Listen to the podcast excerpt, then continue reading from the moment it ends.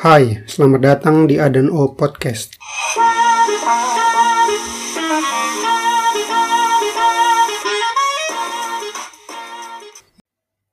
Sebagai seorang penerjemah profesional, saya tidak sungkan-sungkan menanyakan kalimat seperti, "Bolehkah saya diberikan konteks pada bagian ini?"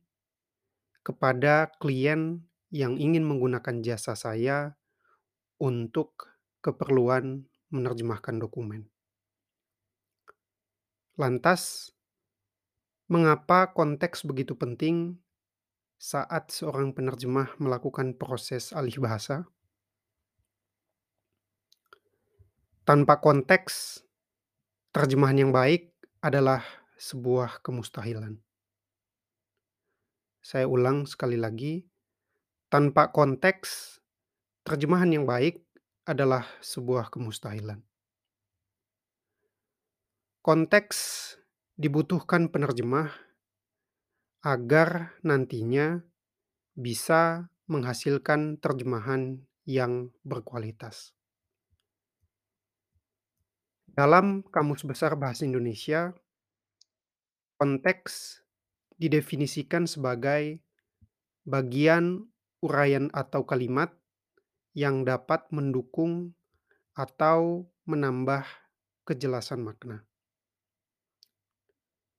Di sini terlihat jelas bahwa konteks merupakan komponen vital dalam pekerjaan seorang penerjemah. Konteks dibutuhkan agar penerjemah dapat memahami nuansa makna bagian tertentu dalam teks atau keseluruhan teks yang akan diterjemahkan ke dalam bahasa sasaran.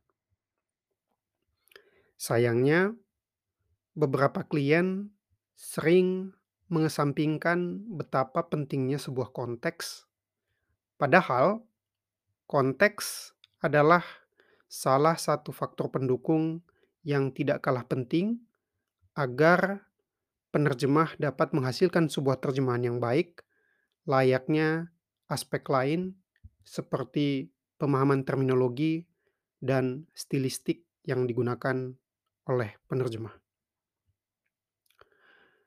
Dalam beberapa kesempatan, saya kerap menerima permintaan menerjemahkan sebuah teks pendek. Tidak jarang dalam bentuk sebuah paragraf singkat. Bahkan, sering kali hanya berupa beberapa potongan kalimat pendek tanpa konteks yang jelas. Sudah bisa kita pastikan bahwa bagian tersebut adalah potongan kalimat dari sebuah teks yang panjang, sebuah teks utuh yang panjang. Pengguna jasa dalam hal ini tak berpikir jauh bahwa permintaan seperti ini tak ada bedanya dengan sebuah permainan tebak-tebakan bagi si penerjemah. Penerjemah dipaksa menebak makna sebuah teks dengan konteks yang belum jelas. Nah, di sinilah peran penting sebuah konteks dalam penerjemahan. Berikut ini saya contohkan beberapa kalimat berbahasa Jerman yang memiliki arti yang jauh berbeda jika dibandingkan makna sebenarnya dalam teks sasaran.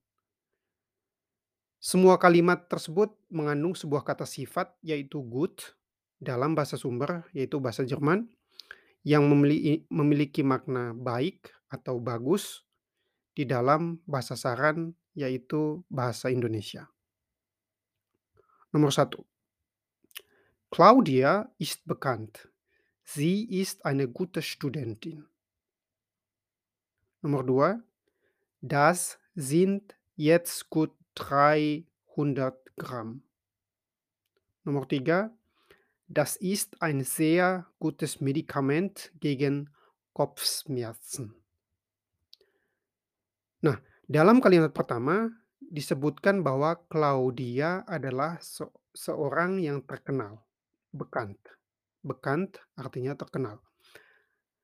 Padanan kata dalam bahasa Indonesia baik atau bagus tentu tidak cocok untuk kata gut dalam kalimat Sie ist eine gute Studentin. Claudia pasti seorang mahasiswi yang berprestasi, sehingga dia dikenal oleh banyak orang. Jadi, kata gut yang dipakai dalam kalimat nomor satu diartikan sebagai berprestasi, bukan baik ataupun bagus. Berikutnya dalam kalimat kedua, kata good dalam kalimat tersebut tidak mungkin bermakna baik atau bagus. Dalam kalimat tersebut, kata good ditempatkan sebelum satuan berat, yaitu gram, yang mana arti yang tepat adalah sedikit lebih banyak dari 300 gram. Atau yang kita kenal 300 gram lebih. Hal yang sama dapat kita temukan dalam kalimat ketiga. Kata good yang berada dalam kalimat ini sebaiknya diterjemahkan dengan kata manjur, mujarab, atau ampuh. Karena berkaitan dengan pengaruh atau efek yang ditimbulkan dari obat-obatan. Meskipun frasa obat yang bagus itu berterima dan sering kali digunakan dalam bahasa Indonesia sehari-hari. Konteks juga bergantung pada siapa yang akan membaca hasil terjemahan tersebut. Kepada siapa terjemahan tersebut ditujukan, apakah yang akan melihat terjemahan tersebut adalah kelompok orang yang masuk dalam kalangan baby boomers, ataukah yang akan melihat hasil terjemahan adalah generasi X atau millennials? Karena beda usia pembaca, beda lingkungan, dan beda peruntukan, beda pula gaya bahasa yang dipakai dalam menerjemahkan. Terima kasih telah menyimak episode 32 A dan O Podcast hingga selesai. Jika kalian memiliki pertanyaan seputar A dan O Podcast, atau ingin memberikan saran atau kritik untuk perkembangan siniar ini, silakan hubungi saya di a dan o at pacesepricesakan.com atau dengan mengunjungi website saya di www.pacesepricesakan.com. Dan jika kalian belum subscribe Adan O Podcast, silakan subscribe dan bagikan episode-episode yang menurut kalian menarik untuk didengarkan oleh teman, kerabat, atau kenalan kalian yang mungkin akan mendapatkan manfaat dari siniar ini.